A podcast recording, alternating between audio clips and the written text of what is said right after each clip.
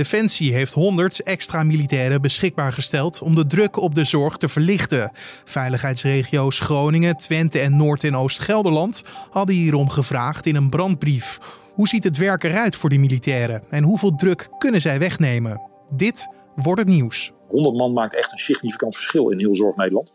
Zeker als je ze goed inzet. En dat is natuurlijk waar het ministerie van Volksgezondheid en Defensie met name naar kijken. Waar, waar is nou echt nodig? Waar, zit nou echt de, de, maken we echt het verschil? Agian Schreier, commandant van de 11 Geneeskundige Compagnie. En Martje Maler, directeur Zorg en Welzijn van Zorggroep Apeldoorn en omstreken. vertellen je straks meer over de hulp die militairen nu bieden om de zorgsector te ondersteunen. Maar eerst kijken we kort naar het belangrijkste nieuws van nu. Mijn naam is Carne van der Brink. Het is vandaag woensdag 30 december. En je luistert naar de Dit wordt het nieuws middagpodcast. Het RIVM meldt deze woensdag dat er het afgelopen etmaal iets meer dan 95.000 positieve coronatesten zijn geregistreerd. Dat is lager dan het gemiddelde van de afgelopen zeven dagen. Wel is het een stijging als je het cijfer vergelijkt met de afgelopen dagen. De afname van het aantal bevestigde besmettingen van de voorgaande dagen kan echter worden verklaard doordat Nederlanders tijdens de kerstdagen minder snel naar de teststraat gingen. Het is nog niet duidelijk of de lockdown ook verantwoordelijk is voor de daling in het aantal positieve tests en zo ja, in welke mate. Tientallen ziekenhuizen kunnen door de coronacrisis niet langer alle noodzakelijke zorg verlenen. Het gaat hierbij om zogeheten urgente zorg. Dat is zorg die binnen zes weken verleend moet worden, zoals operaties en behandelingen wegens kanker. Steeds meer ziekenhuizen hebben problemen met het leveren van de zogeheten kritisch planbare zorg. En dat blijkt uit meldingen die de ziekenhuizen doen bij de Nederlandse Zorgautoriteit. De zorg loopt vooral op het tandvlees vanwege het tekort aan medisch opgeleide medewerkers, vanwege ziekte, uitval en vermoeidheid. De Noorse autoriteiten hebben vandaag zo'n 700 mensen geëvacueerd vanwege een aardverschuiving in de plaats Ask. Zeker 10 personen raakten gewond en momenteel worden er nog 21 mensen vermist. Het zuiden van Noorwegen heeft de afgelopen dagen te maken gehad met grote hoeveelheden neerslag. Volgens de Noorse omroep NRK is de kleigrond in het gebied daardoor mogelijk verschoven. De kiesraad heeft een recordaantal van 89 partijnamen geregistreerd voor de komende Tweede Kamerverkiezingen van maart. Zo waren er deze week nog 26 nieuwe partijnamen ingeschreven. Bij de laatste Tweede Kamerverkiezing in 2017 waren 81 partijnamen geregistreerd. En een geregistreerde partijnaam betekent niet altijd dat die partij ook meedoet aan de verkiezingen. Dit blijkt pas op de dag van de kandidaatstelling op 1 februari. Dan moeten de partijen die willen meedoen hun kandidatenlijsten en overige documenten inleveren dat de druk op de zorg hoog is door de coronacrisis, weet hopelijk iedereen. Daarom vroegen veiligheidsregio's Groningen, Twente en Noord- en Oost-Gelderland in een brandbrief om militaire steun in verpleeg- en verzorgingshuizen. Een zorghotel in Apeldoorn was vandaag de eerste die hulp kreeg van tien medisch geschoolde militairen, afkomstig van de luchtmobiele brigade in Schaarsbergen. Verder gaat Defensie 17 militairen inzetten om een Gronings verpleeghuis te ontlasten. In totaal is een groep van 100 militairen extra beschikbaar gemaakt om de zorgsector te ondersteunen. Hoe hun hulp er precies uitziet, dat vroeg ik aan Age Jan Scheier, commandant van de 11 Geneeskundige Compagnie. Op dit moment, uh, wij zijn sinds maart uh, dit jaar al uh, betrokken bij, bij ondersteuning of inzet in het kader van de zorg in Nederland. dat doen we op verschillende locaties, daar waar de, de nood het hoogst is en waar het ministerie van Volksgezondheid Defensie voor vraagt.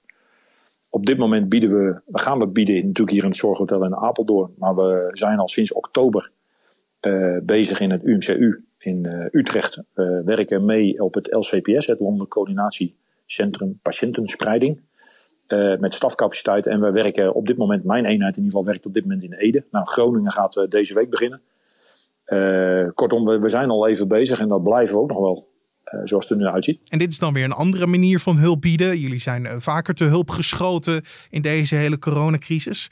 ja, hoe verhoudt zich dat tot elkaar? Ja, wij, wij schalen eigenlijk mee. Toen, toen in maart de eerste golf begon, uh, werd er een, voor het eerst een beroep op ons gedaan natuurlijk. Uh, wie zag dat heel Zorg Nederland zich moest aanpassen aan het feit dat er een pandemie uh, Nederland zo hard raakt. Hè. Dan praten we in, bijna alweer in het verre verleden, maar over, volgens mij begon dat met de carnaval uit mijn hoofd. de nasleep daarvan in ieder geval.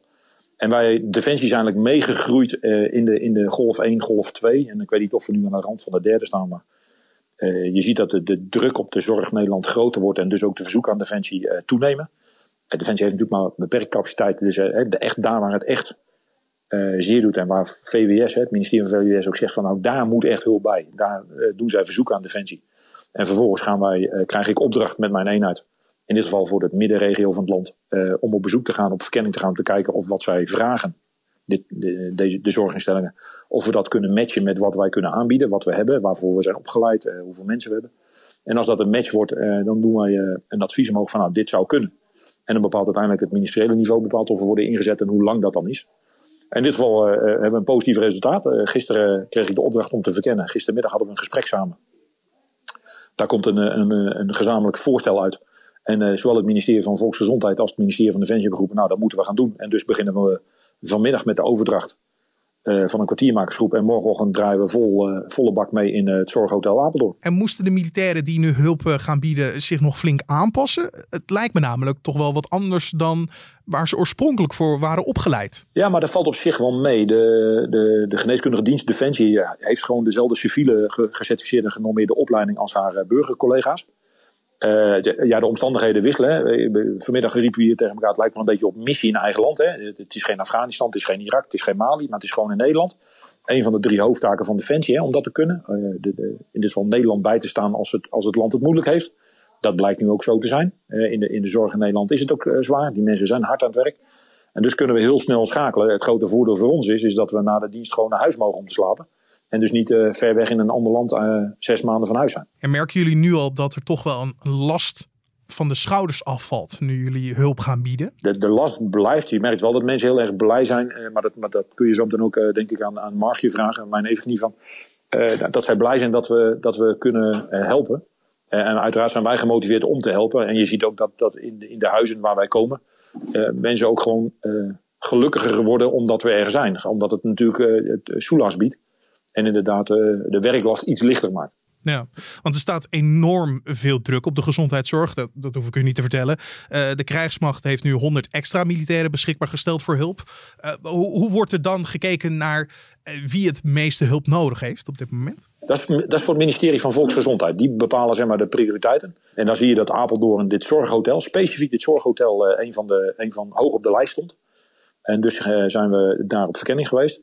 Uh, maar hoe het ministerie van VWS haar andere prioriteiten of wat nog meer op die lijst staat, dat zou u daar even moeten vragen. Want daar hoef ik gelukkig niet in te duiken. Nee, dat snap ik. Jullie zijn er echt om de druk weg te nemen. Maar dat kunnen jullie niet voor alle instellingen doen. Dus er zullen ook uh, ja, uh, zorginstellingen teleurgesteld achterblijven die niet de hulp kunnen krijgen. Ja, dat denk ik wel. Ik denk dat de mensen die de prioriteitenlijst van volksgezondheid bewaken, eh, daar zorgvuldig afwegen. En maar inderdaad helaas ook af en toe eens nee zullen moeten verkopen. Ja, dat kan ik me voorstellen. Nee, want als je die aantallen hoort hè, en de problemen ziet, dan, dan lijkt het als een druppel op een gloeiende plaat. Of, of, zeggen aantallen niet veel? Nou, aantallen zeggen niet veel in de zorg. Dat wil zeggen, uh, één persoon uh, is één persoon. Maar op het moment dat je teams gaat inzetten, en wij zetten hier natuurlijk twee zorgteams in dat is, dat is niet vergelijkbaar. Vijf mensen is niet te vergelijken met vijf bedden. Dat is helemaal afhankelijk van patiëntdruk, van patiëntsoort, van de zorgvraag. Dus een team van vijf mensen kan heel goed tien bedden uh, helpen. Tien mensen in bedden bedoel ik dan. Hè? Eh, tien patiënten in bedden helpen. Maar het volgende moment ook weer geconfronteerd worden met, met dusdanig complexe zorg dat ze nog maar vijf bedden kunnen behandelen. Dus het is denk ik niet reëel om te zeggen van joh, druppel op groeiende plaat, 100 man. 100 man maakt echt een significant verschil in heel Zorg Nederland. Zeker als je ze goed inzet. En dat is natuurlijk waar het ministerie van Volksgezondheid en Defensie met name naar kijken. Waar, is nou echt nodig? Waar, zit nou echt de, de, waar maken we echt het verschil? Ja, en dat houdt in dat sommige instellingen uh, misschien wat later in de lijst staan dan, dan uh, bijvoorbeeld dit zorghotel in Apeldoorn. Of het UMCU in Utrecht. En wat op papier is de bedoeling dat de militairen tot 19 januari hulp blijven bieden. Hopen jullie dat na deze periode de hulp uh, afgeschaald kan worden? Ja, hoop is het niet zozeer. Kijk, uh, voorlopig gaan we eerst op 19 januari aan het werk. En uh, ondertussen bekijken we in overleg met het civiele zorgstelsel. Van, zijn we nog nodig? Ja, nee. Kijk, op het moment dat we hier niet echt meer nodig zijn. Of waarbij de druk hier wegvalt. Of minder wordt en behapbaarder wordt voor de civiele partner dan zou het ons voorstel zijn, trek ons hieruit, zodat we weer beschikbaar zijn om een, op een plek waar de nood wel heel hoog is weer ingezet te kunnen worden. Dus ik heb niet zozeer de hoop dat hier de zorg afschaalt. Alleen ik ben wel reëel genoeg om te beseffen dat na 19 januari is Zorg in Nederland nog niet klaar met COVID. En COVID nog niet met de zorg in Nederland.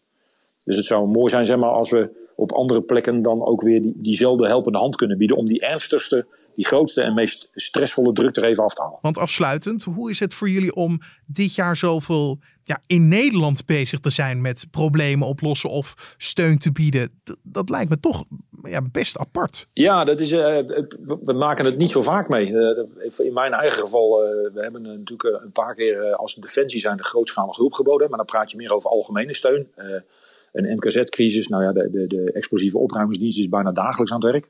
Eh, maar dat is kleinschalig. Eh, grootschalig, heel specifiek gericht op alleen geneeskundige inzet. Ja, dat is al een tijdje geleden dat we dat voor het laatst deden. Dus dat, dat maakt aan de ene kant heel bijzonder en heel gewaardeerd. Hè? Eh, men zoekt ons, men vindt ons. Aan de andere kant is het natuurlijk ook zo dat het druk zet op, op het geneeskundig systeem van Defensie. Dus daar moeten we heel zorgvuldig kijken. Hè. We willen natuurlijk onszelf niet in de problemen brengen. En anderzijds, we hebben natuurlijk ook wel capaciteiten die we kunnen inzetten. Dus dat doen we ook. En dat, dat geeft wel een heel groot gevoel van waardering. Denk ik aan onze kant ook, dat we uh, een serieuze backup zijn in Nederland. Dat was Agian Schreier, commandant van de 11 Geneeskundige Compagnie.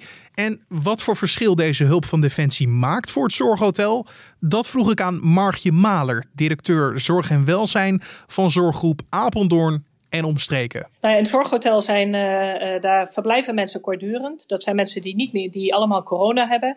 En die zo ziek zijn dat ze niet bijvoorbeeld alleen thuis kunnen blijven.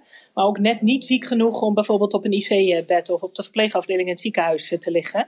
Dus wij zijn echt een tussenvoorziening voor de hele regio. Uh, dus de steun die gevraagd is en die nu ook geleverd wordt, dat zijn medisch geschoolde verpleegkundigen. Dus zij zullen alle handelingen uh, doen die ook bij hun uh, vak horen. En dat betekent medicatie, dat betekent bijvoorbeeld huurstof en alle andere zaken die, die daarbij horen. Maar het betekent ook ja, mensen de zorg leveren. Uh, dus zorgen dat mensen uh, uh, die zich niet zelf kunnen wassen, bijvoorbeeld, daar ook bij, bij helpen. Um, maar het, het, is meer dan de helpende handjes. Hè. Dus dit gaat echt om medisch geschoold personeel. Want we hebben ook al vrijwilligers van het Rode Kruis bijvoorbeeld binnen. Ja, die veel meer de helpende handen kunnen leveren. Want hoe hoog was de nood voordat jullie de hulp toegezegd kregen? nou, voordat wij. we hebben de aanvraag ingediend op het moment dat we hebben hier 32 bedden gereed staan. Uh, en wij konden 17 bedden zelf bemensen met heel veel moeite en met alle regionale organisaties samen. En wij kregen vlak voor kerst veel meer aanvragen dan dat wij personeel konden leveren. En toen hebben we de aanvraag ingediend bij Defensie, omdat wij mensen letterlijk niet binnen konden laten in ons zorghotel, terwijl ze wel de zorg nodig hadden. Dat is natuurlijk zeer schrijnend. En zeker met een zorghart hoop je dat dat nooit zal gebeuren. Maar dan gebeurt het toch. Ja, uh, en met een zorgarts, ik denk uh, überhaupt uh, wil je dat mensen die de zorg nodig hebben, hè, overal dat ze die kunnen krijgen, de basiszorg. En ja, dat is heel schrijnend. En toen hebben we inderdaad met de hele veiligheidsregio gezamenlijk besloten om de aanvraag bij Defensie in te dienen. Ja. Neemt dit alle druk dan gelijk ook weg? Of, of blijft die toch wel gewoon bestaan? Alle druk wegnemen, dat zou wel heel utopisch zijn in deze situatie. Ik denk het virus heeft laten zien dat, dat soms besmettingen toch heel snel kunnen gaan. Uh, dat is in dit geval uh, ook zo. Maar met uh, deze hulp zijn we echt ontzettend blij, want dan kunnen we de eerste nood ledigen. Dus Defensie is een belangrijke aanvulling op wat wij zelf ook leveren. Het is de bedoeling dat jullie tot 19 januari hulp blijven krijgen van de, de militairen. Hopen jullie dat jullie daarna weer op eigen benen kunnen staan en dat de druk wat verlaagd is? Nou, in alle eerlijkheid, als ik vooruit kon, kon kijken tot na 19 januari, dan zou ik dat graag doen. Ik denk dat wij dag voor dag en week bij week goed evalueren wat de stand van zaken is en ons daar blijvend op aanpassen. En dat was Margje Maler, directeur Zorg en Welzijn van Zorggroep Apeldoorn en omstreken. En dan het weer. Het blijft wisselend bewolkt en er vallen enkele buien. De temperatuur ligt daarbij rond de 6 graden. Maar tijdens een bui is het enkele graden kouder.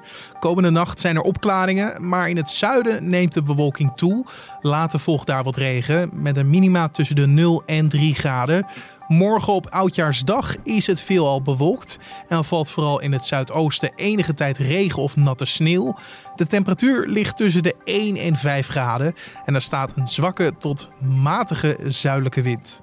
En om af te sluiten nog even dit. Het aantal inbraken is de afgelopen kerst flink afgenomen. Meer mensen vierden eerste en tweede kerstdag thuis in kleine kring, wat zorgde voor een totaal van bijna 250 inbraken. Vorig jaar ging het om 400 inbraken, zo meldt Interpolis op basis van gegevens uit hun inbraakbarometer. Interpolis verwacht dat het aantal inbraken tijdens de jaarwisseling ook een stuk kleiner zal zijn, maar wil de mensen die wel van plan zijn op pad te gaan op het hart drukken voorzorgsmaatregelen te nemen, zoals het licht aan te laten staan. En dan zijn we alweer aan het einde gekomen van deze podcast voor de woensdag 30 december.